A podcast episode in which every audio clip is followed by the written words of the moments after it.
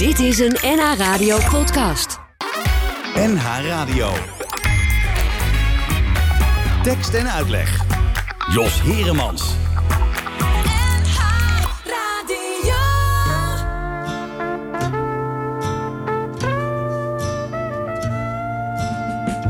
Wanneer de maan de zon optrekt,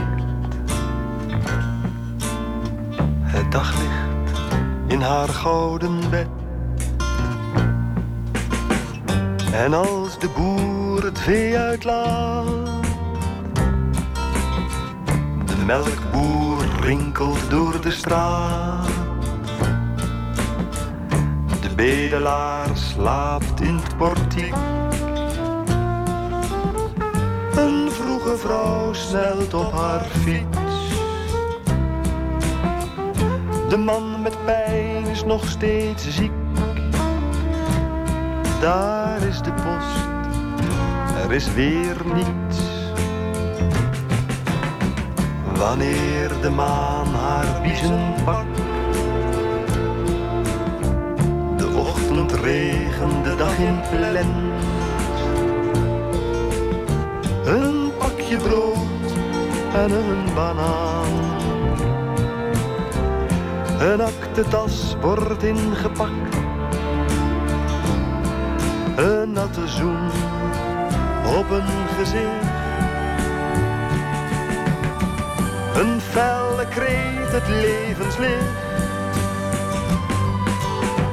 Een oude vrouw sterft eenzaam dood.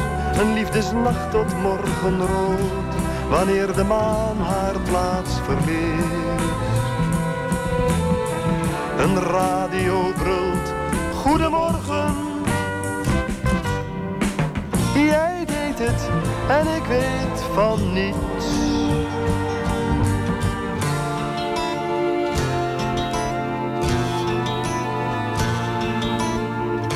Collectes, giften, kinderzegels. Half negen mis en één om half tien. Morgen ben ik op de maan. Morgen zal het beter gaan.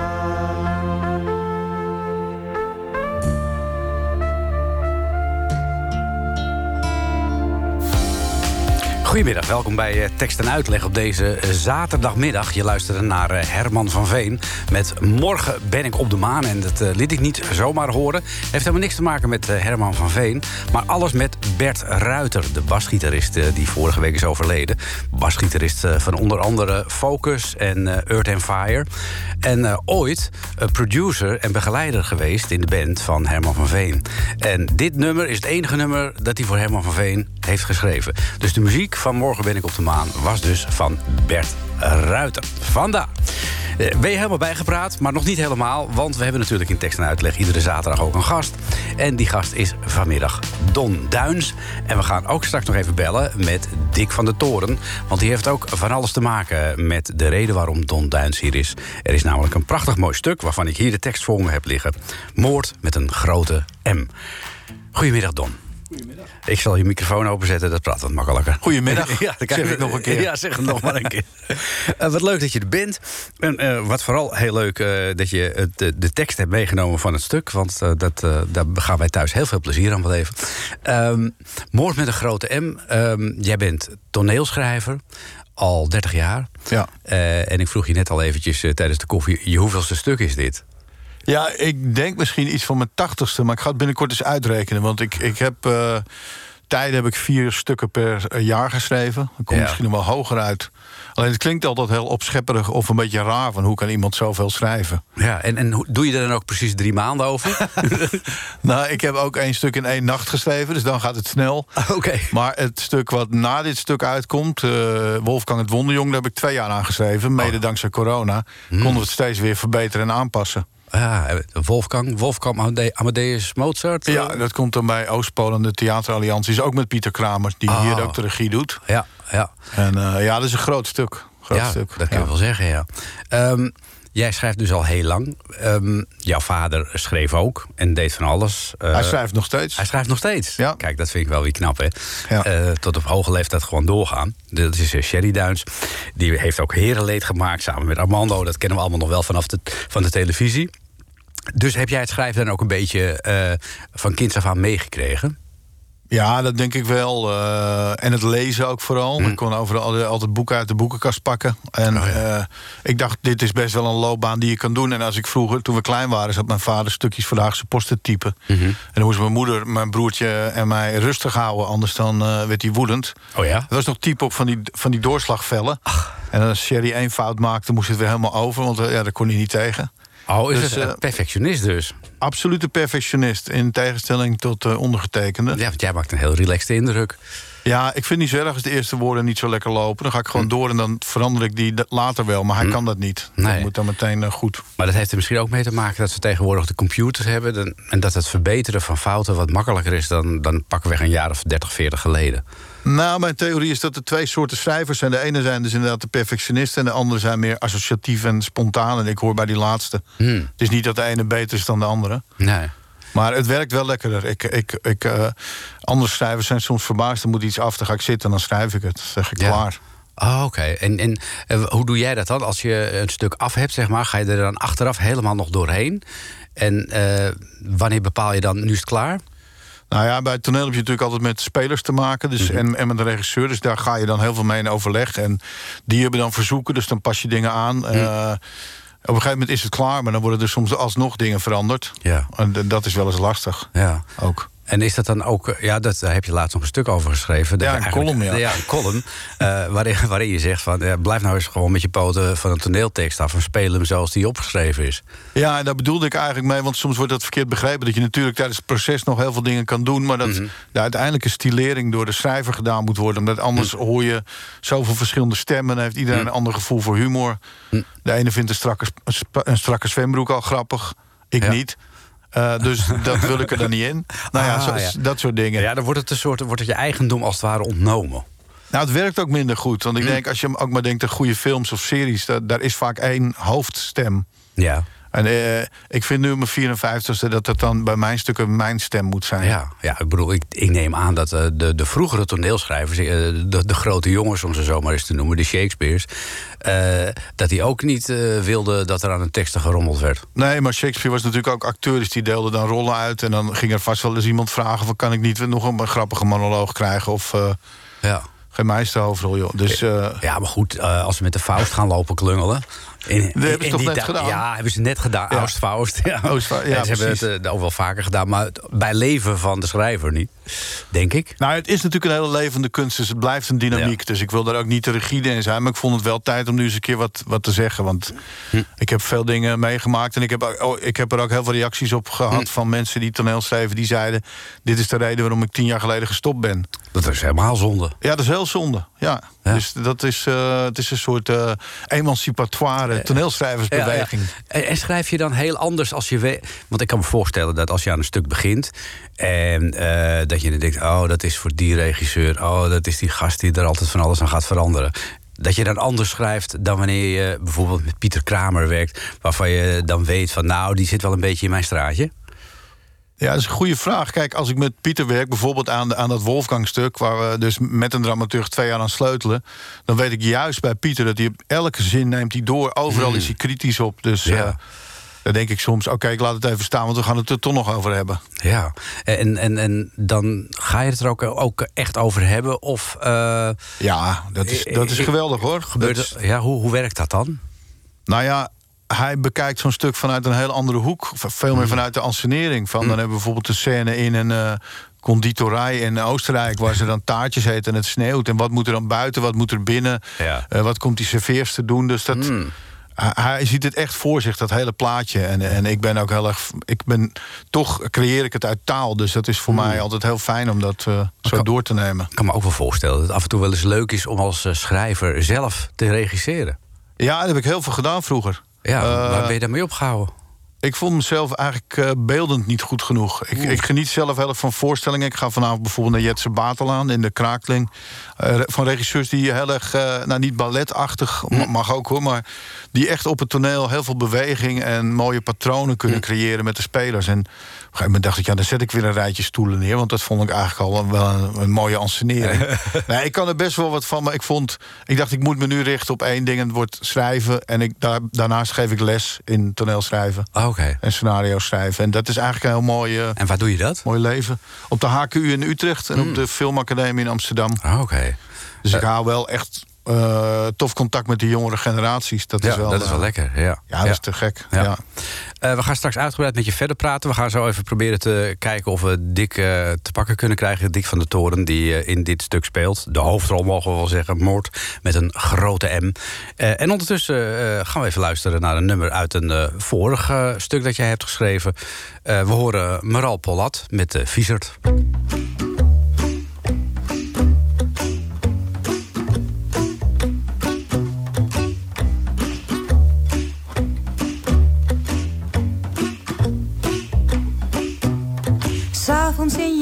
de straat op is lastig voor een meisje alleen. In feite ben je nergens veilig, want achter elke kakte staat er wel een, zo'n oude viezerd. Ach, je kent ze, zo'n griezel, zo'n gevaarlijke gek. Viezerd! Laat me los, je kan niet dansen en je stinkt uit je bek. Commandante y soldados schoften zijn het stuk voor stuk. Lompe boeren, grof gebekt. En fatsoen, dat interesseert ze geen fuck, want het zijn viezers.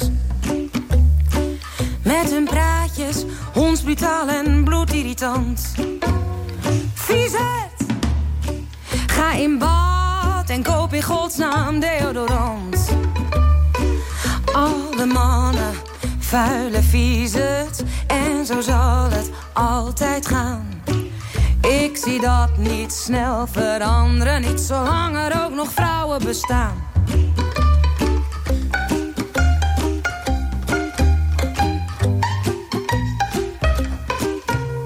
Maar ik laat me niet kennen. Een echte vrouw die bijt van zich af. Kom niet dichterbij. Ik sla terug, ik nep je zo in je graf, je vuile viezerd. Ben ik duidelijk, of wil je soms een trap in je kruis? Viezerd! Ik vermoord je, dus hou die vieze handjes maar thuis. Hou jij die vieze handjes maar thuis. Hou die vieze handjes maar Dat was uh, Mural Polat met uh, vier. Dick van de Toren, die horen we al op de achtergrond. Die zit al mee te grinniken. Da dag Dick.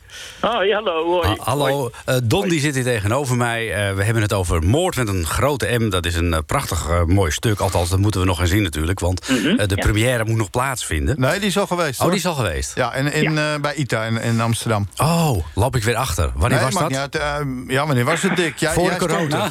nee. Oh, ja. Ergens midden tussen corona. Oh, ja. nee, een weken we precies dus 15 maart, want dat was de datum dat oh, ja, ja, ja, ja, Caesar is vermoord. De Ides van maart. Oh, je meent het? Ja. Oh, oké. Nou, daar heeft het ook alles mee te maken met, uh, met Caesar. Want Dick, uh, jij speelt de hoofdrol in dit stuk. Mm -hmm. uh, ik denk, maar goed, dat is iets wat ik denk... een rol die jou op het lijf geschreven is. Um, Caesar, een gek. een gek. Een potentaat, een dictator, een tiran. Nee, ja, nee, ik vind het heel leuk om te spelen, inderdaad. Dat klopt. En hoe komt dat? Um, nou, het komt door. Ik vind het. Uh, uh, het is wel een stuk wat, wat ook een vrolijke kant heeft, waar je om kan lachen. Maar het heeft -hmm. ook een hele serieuze kant. Nou, niet zo serieus als comedy, maar als je al voelt dat het grappig bedoeld is, dan moet je niet meer lachen. Dus ik vind het leuk om die tiran te spelen. En het, het, is in de voorstelling door Don heel. Uh, kunstig uh, versneden met uh, andere dictators. En met deze tijd. En het mm. gaat ze ook, er zitten ook bijvoorbeeld allemaal teksten in van, van Mark Rutte... die die over de toeslagenaffaire heeft gesproken. Oh. En de ineenstorting van de brug in Genua zit erin. en, en het gaat over ja, dat hij toch zijn best heeft gedaan, maar dat het anders is gelopen. Dus het is, het is een soort van vergelijk tussen, uh, zal ik maar zeggen, de tijd van uh, Caesar en deze tijd... dat er Hmm. eigenlijk geen moer veranderd is, maar dan wel om te lachen. Ja, ja, ja want uh, zo'n zo filijne rol, dat, dat past jou wel, geloof ik. Ja, het is een filijne rol, maar het is ook een beetje een potentaat. En dat heeft ook iets dommigs. Hè? Dictators en leiders hebben ook iets dommigs en iets egomanisch en, en dat allemaal. Dus dat is heel leuk om te spelen. En ja, en dit is natuurlijk steeds is de straight guy. Dus er staan allemaal heel veel jonge mensen omheen... die alle, alle kleuren van de regenboog laten zien in hun spel, snap je? Het is ja. niet helemaal dat de ik-figuur altijd zo de spannendste rol is... want degene die eromheen geven net heel veel kleur. Ja, nee, ik ga even aan Don vragen. Had jij Dick ook in je hoofd toen je dit stuk schreef als hoofdpersoon? Nou, eerst zou het volgens mij een andere acteur zijn. Maar nou, die kon niet. En toen werd het gelukkig nou, Dick. Oh, en ik... Lekker om te horen, Dick. nou, dat weet Dick wel. Dat is the story of my life. Ja, ja, je weet. Nee, maar ik heb Dick altijd in mijn hoofd. Want hij heeft bij mij, uh, in, in een voorziening van mij... in ieder geval al Anton Heijboer gespeeld. Uh, Joop den Uyl, uh, Dick Trom. Dus ik hm? denk eigenlijk Snorro. altijd aan Dick. Ja, Snorro, Snorro. ja. De, de, de, de, de vader van Hamlet. Dus... Alleen, kijk, kijk, Caesar is vaak zo'n beetje zo'n statige... zoals hij bijvoorbeeld in Asterix getekend is. -hmm. Zo'n beetje zo'n uh, narige man die uh, schijnbaar nooit iets eet. Dus ik vind het wel goed. Dick maakt daar helemaal zijn eigen figuur van. Met gimpen, een horloge en, een, en zijn bril op. Ja. Maar hij laat heel veel uh, registers zien. Van mm. inderdaad dat filijne en dat boosaardige... tot een... een man die na de pauze, dan is hij dus dood. Kleine spoiler. dan, weet hij niet zo goed waar hij is. En, en moet zijn ziel gewogen worden. En daar is... Uh, is het spel soms heel transparant. En dat vind ik mooi. Er zitten heel veel verschillende tonen in. Laten we een stukje uh, van jou uh, laten horen, Dick, uit, uh, uit Snorro. Dat is wel leuk even. Oké. Okay. en ik heb mijn paard in de steek gelaten. Zo wil ik geen Snorro meer zijn. Ik ga pitten. Wervelwind, waar je ook bent. Het spijt me. Niemand laat zijn eigen paard alleen. Mijn baas, die Snorro, heeft een hart van steen. Nou, dit ben je te voet uit, denk ja. ik, uh, Dick ja, van de Toren. Ja. Die, die, laatste knakker was Bas Hoeflaak, want het zingende paard Wervelwind. Ja. ja. Maar daar hoor je eigenlijk dat Dick ook heel serieus uh, die Snorro in zijn verdriet laat zien. Ja, absoluut, absoluut. Maar dat is natuurlijk de kracht van Dick. Uh, Dick heeft natuurlijk heel veel verschillende gemoedstoestanden in zich. Dat, dat heb je al heel lang, Dick, moet ik overigens zeggen. Want volgens mij de eerste keer dat ik jou zag... was dat in de lachende scheerkast? Kan dat kloppen of was het nog daarvoor? Ja, ja, ja bij Wim Schippers, 100 jaar geleden. Ja, ja, ja, ja. Toen was je nog een knulletje. Toen was ja, je nog echt, een dikje. Echt, ja, ja, 19. Ja, Otto Drissen, ja, toch? Ja. Otto Drissen Ja. speelde je. Toen zwierf jij Ja, rond op het. Willy Dobbenplantsoen. Ja, echt. Maar de- het is altijd leuk om iets wat absurd is... ook gewoon bloedserieus te spe- spelen, want anders ga je er niet in mee. En in deze voorstelling is het wel leuk. We hebben ook die senatoren, die heten dan uh, Kagius en Bobkius en Broekers Knolles en Omzichtius. Dus het is een soort van mengeling tussen, tussen eh, ja, wat ridicuul is... en wat bloedserieus gespeeld wordt over hele serieuze onderwerpen. Dat maakt het heel erg leuk om te doen en te spelen... en voor mensen om naar te kijken. Ja. Heb jij het net, eh, wat Don zegt, van dat hij jou wel in je hoofd heeft enigszins als hij een stuk schrijft. Heb jij ook zo'n voorliefde voor de stukken van Don? Ja, ik heb voorliefde voor het stuk voor Don en ook eh, voor de stukken van Pieter Kramer. Want ik vind gewoon, ja, daar kan ik gewoon. Ik, ik, ik, ik heb, dat heeft, humor is best wel ingewikkeld. Want over eh, dramatische dingen eh, kan je de, met dramatische dingen kan je de grachten eh, dempen. Maar eh, humor is best wel een moeilijk dingetje. Want humor is verschillend bij heel veel mensen. En heel specifiek. Dus het is toch onwijze mazzel dat ik Don ben tegengekomen. En Pieter, waar mijn gevoel voor humor, waar ik hun gevoel voor humor kan vertalen. En wat matcht met mijn gevoel voor humor. Want het is Ja. zo ontzettend moeilijk Ja. om, om, iets, eh, om dezelfde humor te hebben en dat, dat zij dat ook vinden, weet je. Dus ik versta, ik versta de taal van Don heel eh, goed. Ja. Dus dat, dat, dat vind ik heel leuk om En dan te heb je doen. ook maar weinig regie, eh, regie, eh, regieaanwijzingen nodig ook, lijkt me. Ja, nee, dat klopt, dat klopt, dat klopt. Dat klopt. Nou, je moet aanbieden en dan kan een regisseur zeggen... nee, dat is niet goed. Dat is, Mhm. dat, zo is het. En hij moet maar één keer zeggen, dat wil ik niet. En dan moet je dat onthouden en nooit meer doen. Het is natuurlijk heel tof. Dick is, eh, en ik ook trouwens, wij zijn nu echt van een wat oudere generatie. En eh, Dick staat op de vloer met de mensen van de Spelersfederatie. Die zijn echt, eh, nou, bijna een generatie jonger. En, eh, en Sammy van... eh, Guylaine van ITA. Dus Dick staat daar ook als een soort van uh, ja, vader des vaderlands te acteren tussen, tussen Nou, jonkies. Ja, maar, maar niets, niets vergaat zo snel ons de roem van acteurs water gegeven. Het verandert natuurlijk gigantisch snel. Ja. Voor je weet ben je bejaard. Dus het is voor mij ook wel een kunst Ja, om dat- niet als een bejaarde zagrijnige zeur over te komen. Ja, dat- Want de jonge generatie die speelt gewoon anders. Die hebben andere interesses en die willen dat anders doen. En dat vind ik gek. Ik vind het heel leuk om met die jonge mensen allemaal te spelen. Ja, die houden, vind je, die, lachen. die houden je zelfs natuurlijk ook een beetje jong en, eh, en scherp. Ja. Ja. Ja, dat is echt, echt, eh, dat is echt wel te gek. Dat is heel erg leuk. En je krijgt dan ook gewoon een veel leuker publiek. We hadden bij ITA bij die première gewoon echt een hele jonge, jonge eh, mensen die je gewoon nooit in de stad Schouwburg ziet. Die hadden we daar, snap je? Dus het is heel leuk om een andere generatie publiek ook binnen te trekken. Ja, en dat, dat- dat, lukt, dat lukt hartstikke goed. En we hebben ook in Zaandam gespeeld voor scholieren. En er zitten best Nee, wel pittige dingen in. Alkmaar. Alkmaar. Alkmaar, Waar ja, mijn schoonzoon woont. Ja, maar Ja. daar zaten dus allemaal scholieren. En, en 80% scholieren was op de een of andere manier. Dus ik dacht, hoe moet dat aflopen met al die politieke dingen en smerigheid die erin zit. Ja. Maar het ging hartstikke goed. Ja, Dat- Ja, die vonden dat echt te gek. Die vonden dat echt te gek stoer. Ja. Ja, het is een voorstelling voor, voor iedereen eigenlijk. Want je kunt, ja. Ja. vroeger zat daar altijd een beetje het belegen etiket familievoorstelling op. Maar dat, dat, dat vind ik niet zo passen. Nou, dit is Nee. ook 12 plus hoor. De Oh. jonger moet dus ook niet zijn. Want eh, Dick heeft een eh, scène met Cleopatra. eh, en en eh, Maar gespeeld ik door de Timo. baganalen van de Romeinse baganaal verbeeld. Ja, een soort Caligula-versie. Met een grote- Met een grote, sto grote stoffen penis. En eh, als dat op Radio Noord-Holland kan, denk ik het wel. Ja hoor. Pilemo, zei ik, maakte ik ervan. Het is Ja. voor zessen. Ja, nee, dat is heel netjes, Dick. Alsof je zulke nette gedachten hebt. Ja. Nou, ik, ik hoor het al. Dat wordt, eh, dat wordt één groot feest. Eh, ja. eh, ja, eh, door allerlei corona-omstandigheden eh, heb ik hem nog niet gezien. Maar ik kom zeker kijken. Eh, Ja, want ik, ik vind die stukken van jullie altijd fantastisch. Eh, ik wens jou eh, heel veel succes. Want jij bent nog even aan het repeteren, eh, Dick. Ja, dankjewel hè, dankjewel. Zet hem op, man. Hoi, hoi, hoi, Hoi, hoi, hoi. doei, hoi, hoi. Hoi. Maar ga je dan nou wel die prinses voor me halen? Want die mensen buiten die maken me boos. Super boos. Daar krijg ik honger van. Wanneer mijn buik knort, dan weet ik dat het tijd is voor een snack. Een plakje bloedenborst of uitgebakken lapjes mensenspek. Mijn favoriet, een vette bal gehakt van kleine kinderen. Mm. En ik geniet van kleuterfrikandellen uit het vet. Kinderkroket, maar ik moet eten. Het is etenstijd, voor mij geen glutenvrij, maar val gehakt bij het ontbijt. Ik hou van eten, het is etenstijd. Met vlees maak je me blij, dus haal nu eten, eten voor mij. Ja, dat was uit De Gelaarsde Poes. Ook een stuk eh, geschreven door eh, Don Duins... die nu dus met eh, Moord met een grote M... de theaters bestormt, om het zo maar te zeggen. Het idee, Don, om een stuk te schrijven... over de moord op Julius Caesar... want dat, daar, Ja. gaat, daar gaat het over. Ja, wanneer kwam dat bij jou binnen? Dat je dacht van, nou, dat lijkt me een goed, mooi thema.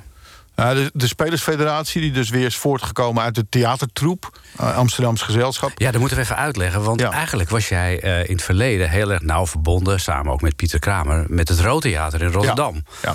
Eh, dat is geklapt. Er is een artistiek meningsverschil geweest, heb ik begrepen. Ja, en ook zakelijk, ja, toestanden. Dus Pieter is daar weggegaan met in zijn kiel zoals alle andere mensen.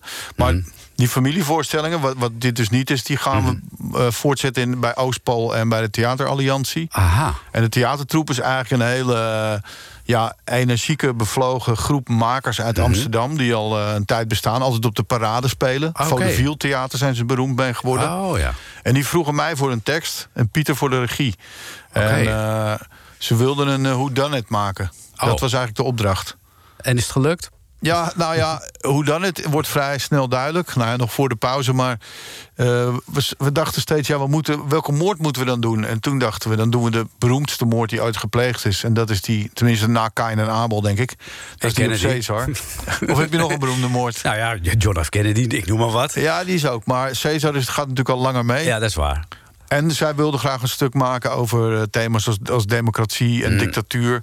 Ook al natuurlijk ruim voor de inval uh, van Poetin. Mm. Uh, waardoor het stuk ook wel weer, net zoals veel voorstellingen en dingen, weer een andere betekenislaag erbij krijgt, eigenlijk. Ja, en dan moet je een plot gaan ontwikkelen. Ja, nou Was ja, dat deels- lastig met dit stuk? Ja, dat was wel lastig, omdat we wilden altijd al de onderwereld en de bovenwereld. Dus de Hades, waar Mhm. Caesar uiteindelijk belandt. En eerst had ik dat allemaal door elkaar gevlochten. Dus je kreeg een scène boven de grond en dan kreeg je een scène in de hel. Maar ik geloof dat Pieter dacht van ja, dit wordt heel ingewikkeld. Laten we voor de pauze gewoon doen tot en met de moord. Mm. En dan na de pauze eh, is hij eh, met- bij een eh, ding van kuppensoep loopt hij rond om... ja, wordt zijn ziel gewogen. En dan komen de meeste personages uit het eerste deel terug. En dat was eigenlijk een heel goed houvast. Ja. Eh, een- een van de dingen die eh, in het stuk voorkomt, dat gaan we nu even horen. En dan mag je antwoord geven op die vraag. Eh, komt die aan, dames en heren?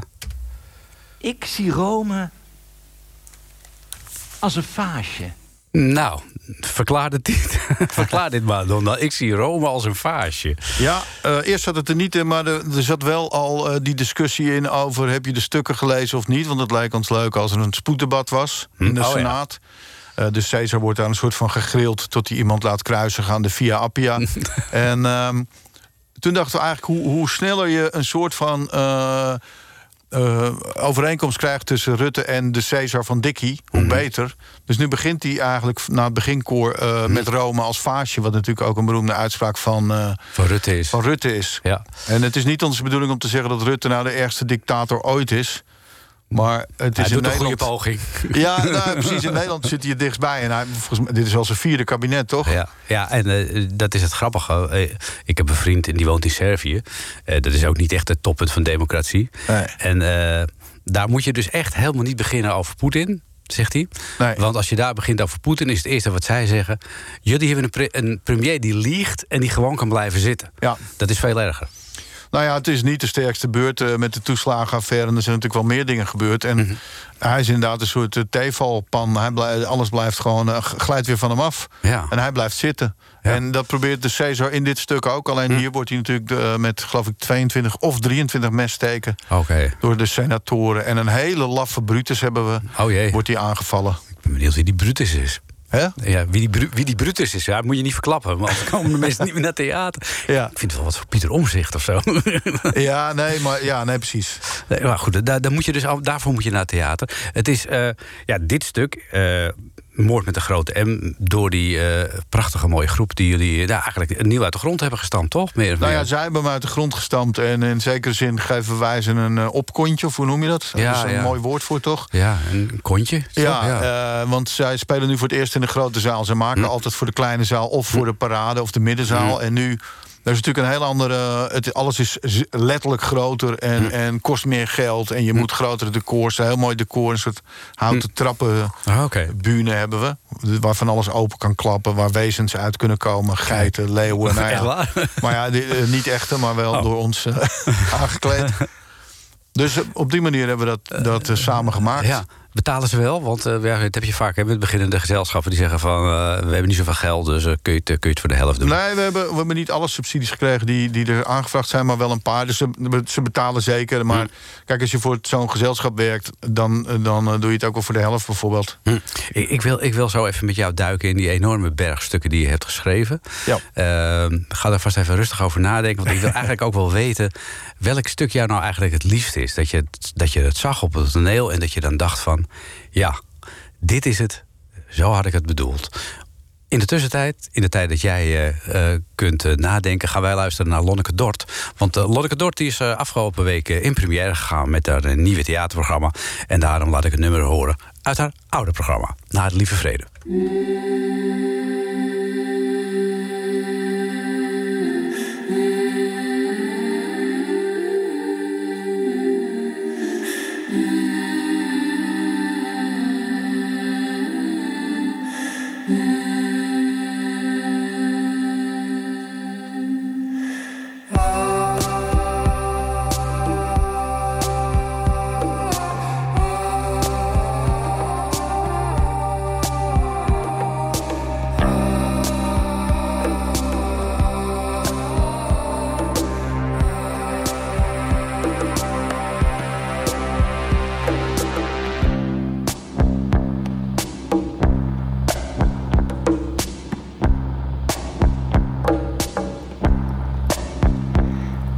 Stad staat een arena.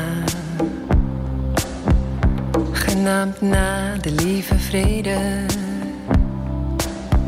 Je kunt erheen om te luisteren naar het scherp van de snede. Want daar beneden zijn twee mensen die tegenover elkaar staan. Draaien niet, ze vluchten niet, ze kijken elkaar aan. En ze praten, strijden, schreeuwen, zonder schild of zwaard, om vrij te geven. Wat voor de lieve vrede werd bewaard. In de stad staat een arena na de lieve vrede. Je kunt erheen om deel te nemen aan het scherp van de snede.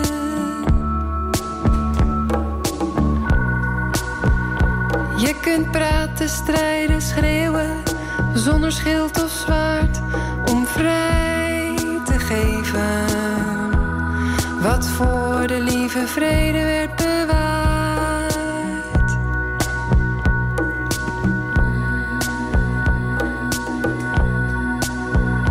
In de stad staat een arena, genaamd na de lieve vrede. Ik kijk naar beneden, naar het scherp van de snede. Tekst, tekst, tekst. En, en uitleg.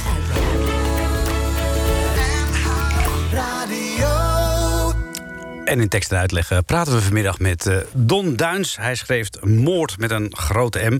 Dat is een eh, theaterstuk dat wordt gespeeld door de Spelersfederatie. Is onder andere te zien 8 april in, in Horen, in het park. En het heet een politieke Romeinse komedie. Maar Don, je hebt zoveel geschreven.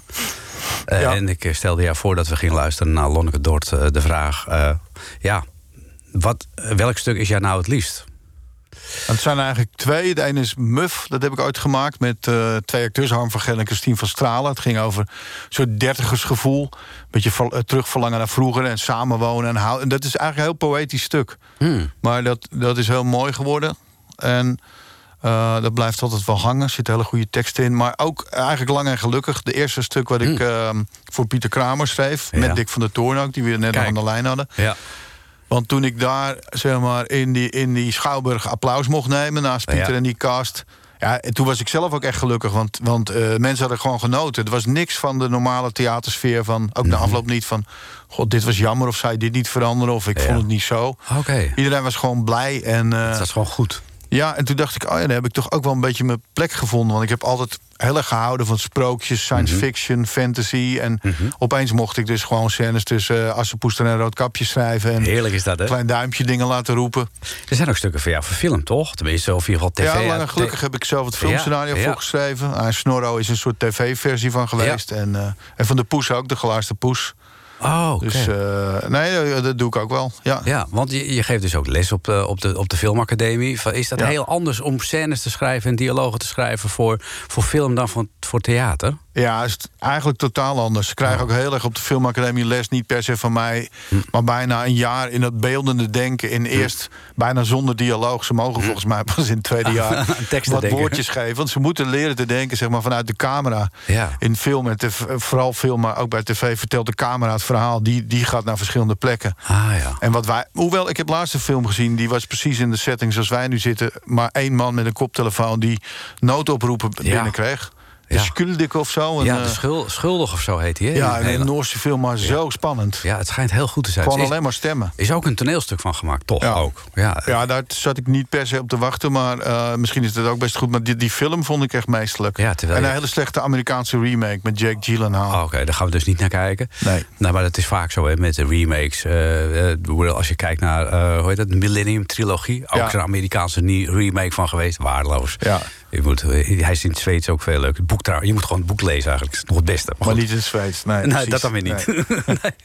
Maar eh, he- heb jij er wel eens overwogen, zit ik opeens te bedenken... om iets met je vader samen te schrijven? Eh, ja, we wilden ooit een, een omnibus publiceren, De Dikke Duins. met verhalen van ons samen. We hebben eigenlijk nooit. ehm, we hebben wel één keer op Crossing Borders, een leuk festival in Den Haag van Louis Ja. Beren. Vroeger eh, mochten we de Duinssalon organiseren. En Oh. dan mochten we allemaal mensen uitnodigen. En mijn vader bijvoorbeeld Kaas Schippers uitgenodigd.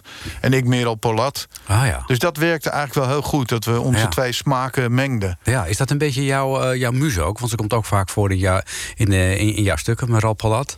Ja, Dickie is mijn echte muze. Mhm. Maar eh Meral is fantastisch. Die stem ontroert me eigenlijk vrijwel meteen. Mhm. Maar we hebben niet zo heel veel samengewerkt. Oh, Maar ja, wel een in ieder aantal geval. keer, Ja, ja. ja. Ja, ja, En ja, die En zei... ik heb één lied voor haar eh, geschreven. Ik Oh. huil.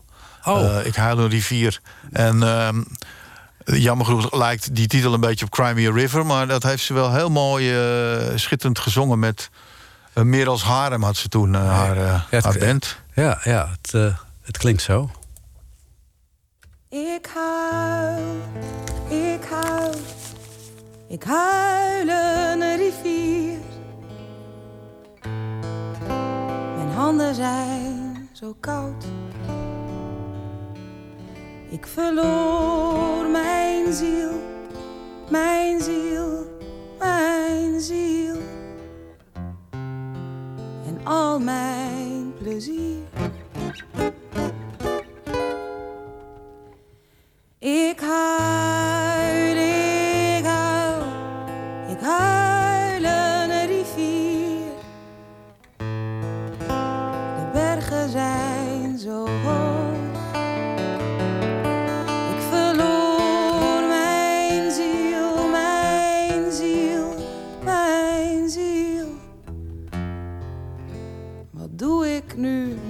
hier?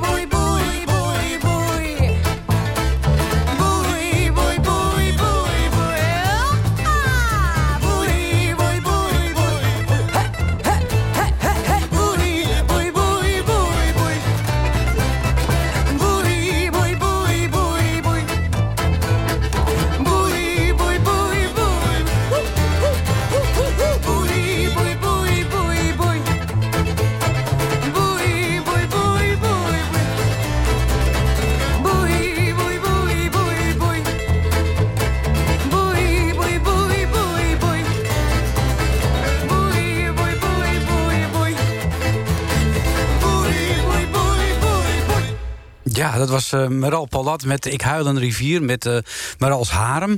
Uh, op de kop af, je zult het niet geloven, Don Duins... want ja, hoe kom ik op dit nummer? Nou, dat speelden ze bij mij in het programma precies tien jaar geleden. Ach. De eerste week van april 2012, live. Geweldig. Toen konden we hier nog live muziek maken. Met Rijn van der Brink en Beppe Costa, Ja. die geweldige gasten op Ja, accordeon. ja, eh, precies. Of, eh, ja. Hoe heet dat ding? Ja, dingetje. ja, ja, ja. Remco. Ja, het was echt eh fantastisch optreden. Ja, met een band ook, ja. echt niet Was normaal. dit, een, dit was geen live-opname, Dit was een live-opname. Echt? Dit is hier in de studio gespeeld. Wauw. Ja. Ik hoorde er ook lachen bij dat slot een Ja, beetje, want ja. eh, ze gaan helemaal los. Zaterdagochtend, half elf. Wauw. ja, nou, maar die stemmen ontroert me meteen. En muziek is ook heel belangrijk voor mijn werk als schrijver. Als ik bezig ben, maar ook... eh, ja. muziek is gewoon een enorme voedingsbodem. Maar waar, met wat voor muziek op eh, zit jij te schrijven? Nou, vroeger heel veel met Philip Glass van die eh, Minimal Music. Maar ook eh, ja, heel veel film soundtracks eigenlijk. Oké. Vind ik mooi. Van nou, bijvoorbeeld Sicario. Sommige zijn heel. Of, of, of Tenet van die films van. eh, hoe heet die? Christopher Nolan. Ja. Die zijn zo. Die hebben zo'n hoog. Dat heet in het Engels volgens mij octaangehalte of zo. Het heeft zo energiek. eh, of de soundtrack van Dunkirk. Dan blijf je eigenlijk maar schrijven. Maar soms ook gewoon bij, bij eh, het stuk over Mozart heb ik heel veel Mozart Ah, oké. natuurlijk gedraaid. Ja, en schrijf jij dag en nacht? Of heb jij vaste tijden? Ja, vroeger schreef ik dan s'nachts, maar dat eh, trekt breintje niet meer. Of, het- ik, kan op, ik ga nog wel altijd na één naar bed, want dan ben ik gewend uit mijn tijd toen ik nog voor het Parool recensies schreef en zo. Maar ehm, ik kan niet meer echt goed s'nachts werken. Dus ik kan beter eh, op tijd opstaan en beginnen. Ja. Maar als iets af moet, dan ga ik nog steeds Dan ga je gewoon door. Ga ik door. Ja, ja. Ja, je, je hebt wat langer herstel nodig, hè? Boven de Ietsje- 50. Ja, nou, gewoon iets minder wijn drinken en zo. Oh, dat en, eh, dat ja. gaat wel goed. Ja. Ik vond het hartstikke leuk dat je er was. Eh, Ja. We hebben heel veel van je eh, kunnen horen over de stukken die je schreef. We hebben, toevallig kwamen we op Ik huil de rivier van uh, Polat. Ik wist helemaal niet dat jij dat geschreven had. Maar hartstikke mooi. Ja, je trekt het zo even onder de knop vandaan. Dat ja, nee, ik, ja, dat- je tikt ik huil in en dan komt het zo naar boven. En ik wist, toen jij het zei, toen wist ik direct van... oh ja, dat heb ik nog ergens liggen. Hele In- mooie in uitvoering. archief, Ja. Ik wens je heel veel succes met Moord met een eh, grote M... en alle stukken die gaan volgen. Eh, ik vind dat jij eigenlijk ook een keer een stuk moet schrijven... dat gewoon de hele zomer in het Amsterdamse Bostheater staat. Eh, zit Ja, ik- zou zit ik leuk nu- zijn. Zit ik nu opeens te bedenken. Ja. En, eh, Pass the word. ja, precies. en eh, 8 april, dan gaat iedereen kijken in de Schouwburg het Park in Horen. En als je meer data wil vinden waar dit stuk Moord met de grote M in de theater staat, dan moet je maar even kijken op de website van de Spelersfederatie. Don Duins, dankjewel. Graag gedaan.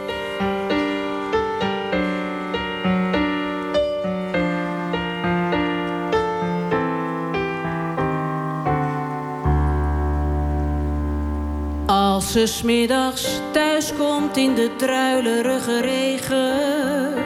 En ze laat haar fiets gewoon maar vallen in de heg. Ze smijt haar boeken in een hoek, een schop er tegen. Dan weet ik al genoeg, maar ik kijk wel uit met wat ik zeg. Hij heeft het uitgemaakt, ik heb het aanzien komen eerste keer doet dat verschrikkelijk veel pijn. Midden in de winter notenbenen. Nu alle kleuren zijn verdwenen. Nu de zon maar niet wil schijnen. En het eeuwig donker lijkt als ik het kon. Schoof ik de hemel voor je open. Ik floot het fluitenkruid zo uit de natte klei. Ik haalde de kou uit de lucht. Ik joeg de winter op de vlucht. Ik zette een koe in de wei. Verdriet was dan vergeten en voorbij.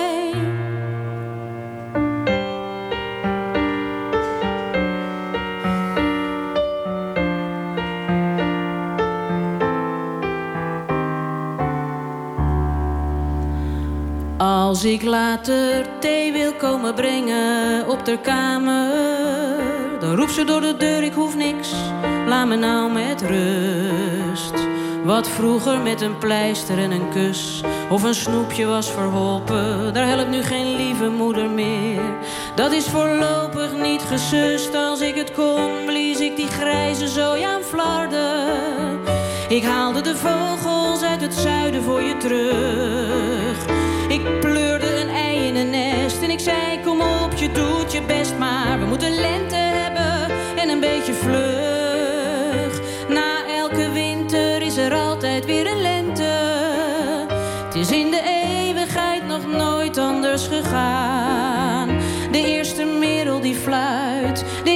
Eerste knoppen schieten uit. En ook al geloof je me niet, opeens verdwijnt je verdriet. Het is in de eeuwigheid nog nooit anders gegaan. Er komen zoveel nieuwe lentes, zoveel nieuwe zomers en zoveel nieuwe liefdes voor je aan. Lente was dat van uh, Brigitte Kaandorp. Een van haar uh, allermooiste liedjes. En nu we het over uh, mooie liedjes hebben. Afgelopen zondag werd in Amsterdam bekendgemaakt wat de winnaar was van de Annie M.G. Schmidprijs. de prijs voor het beste theaterlied van het afgelopen jaar. En de prijs ging dit jaar naar Joost Spijkers met het nummer Welkom thuis. Het duurde 7 minuten 20. Dus ik zou zeggen, ga er even rustig voor zitten om het goed te beluisteren, want het is een prachtig mooi nummer. En straks na zessen Bolland met het Gouden Hitsmuseum.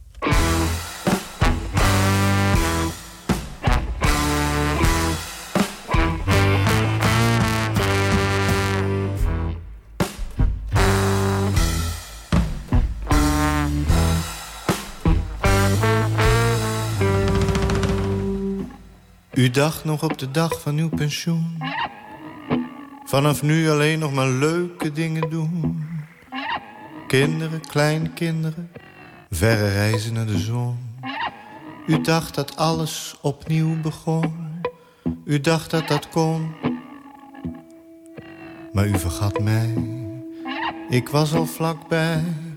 Ik kwam van rechts met de bus uit het niets... en nu op uw gloednieuwe fiets van links. Dus. En jij daar Jij, nog maar zo kort getrouwd. Jij dacht nog, verdien ik het dat iemand zoveel van mij houdt. Huisje, appelboompje, beestje, alvast een kamertje voor de kleine. Lang en gelukkig te zijn, dacht je toen. Maar je was al bijna de mijne. Alleen je kende me nog niet zo goed. Ik woonde dan al in je bloed. Ik zat er al, overal. In je lymfe, je longen, je gal trouwlint, werd rouwlint. Zelf weten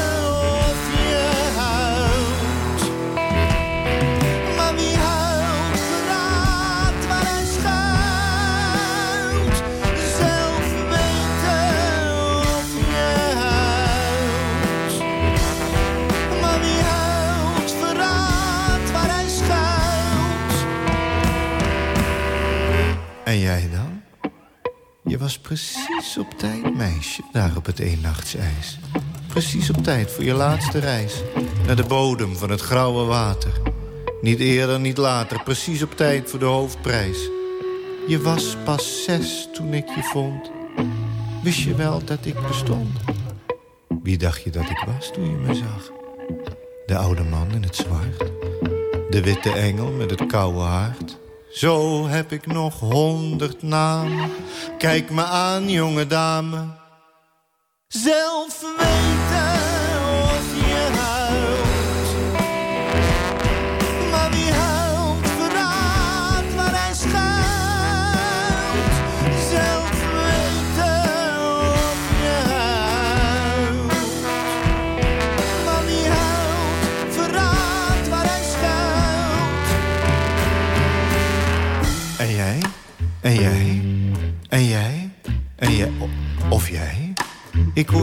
zoeken, want ik heb je al.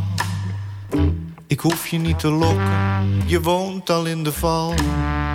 Je hoeft niet aan de ketting, jij blijft toch wel hier. De mens is zelfs na zijn leven nog een gezelschapsdier. Natuurlijk, ik word door jullie uitgelachen, uitgejouwd, afgesnauwd, doodgezwegen, weggepest met psalmen, penicilline, prima. Ik wacht geduldig af om u te dienen. Weet dat jullie zo in jullie kleine levens hangen, zo naar de eeuwigheid verlangen, dankzij mij. En niets of niemand anders dan uw getrouwen. Dus mondje houden en doe nog maar wat ik zeg. Het is niet toevallig dat je mij hier treft. Toegegeven, sommigen van jullie overleven eventjes je eigen dood. Met kunst wetenschap, muziek. Jacques Brel, Charles Aznavour, Jules Deelder, Herman van Veen. Oh, nou ja, goed. hun lichamen kreeg ik wel en best wel snel, maar in hun werk leven ze dan nog even voort. Oh, kippenvel. En zo zijn er nog wel een paar van die lastige dingen die zich moeilijk laten bedwingen. Hardnekkige liefdes bijvoorbeeld. Of kostbare herinneringen. Of steeds diezelfde liedjes die jullie maar blijven zingen. Die zijn moeilijk klein te krijgen. Maar elke zanger zal ooit zwijgen. Wit begint, zwart wint. Zelf weten of je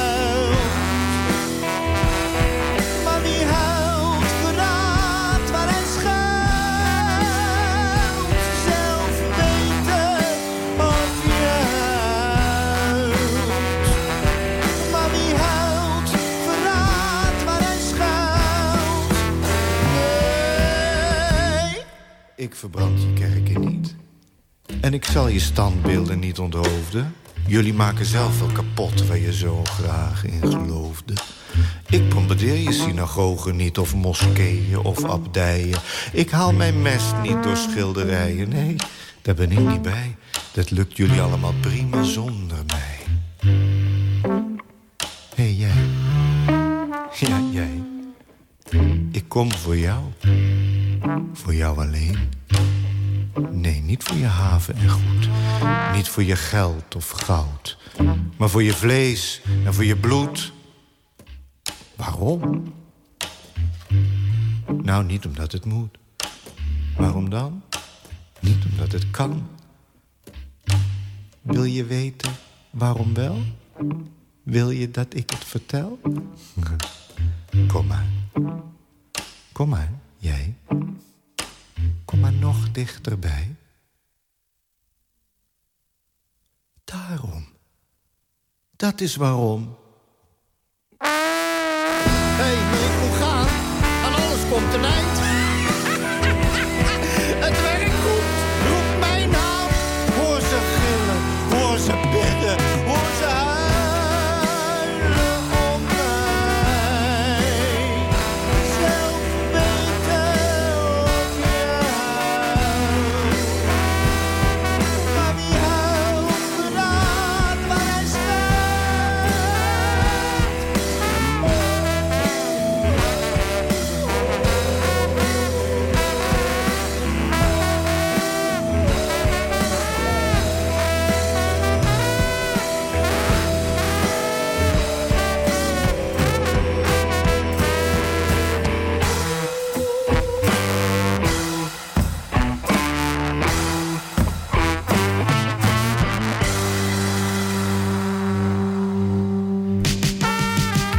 Een macaber maar prachtig lied. Welkom thuis van eh, Joost Spijkers, de winnaar van de Annie M. G. Van dit jaar.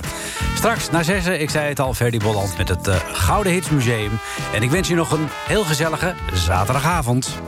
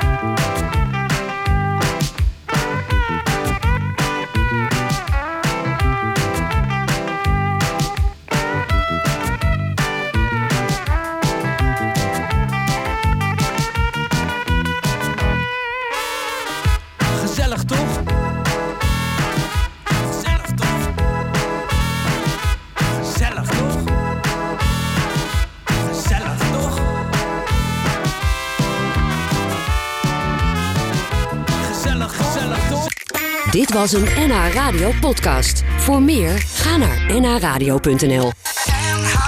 Radio.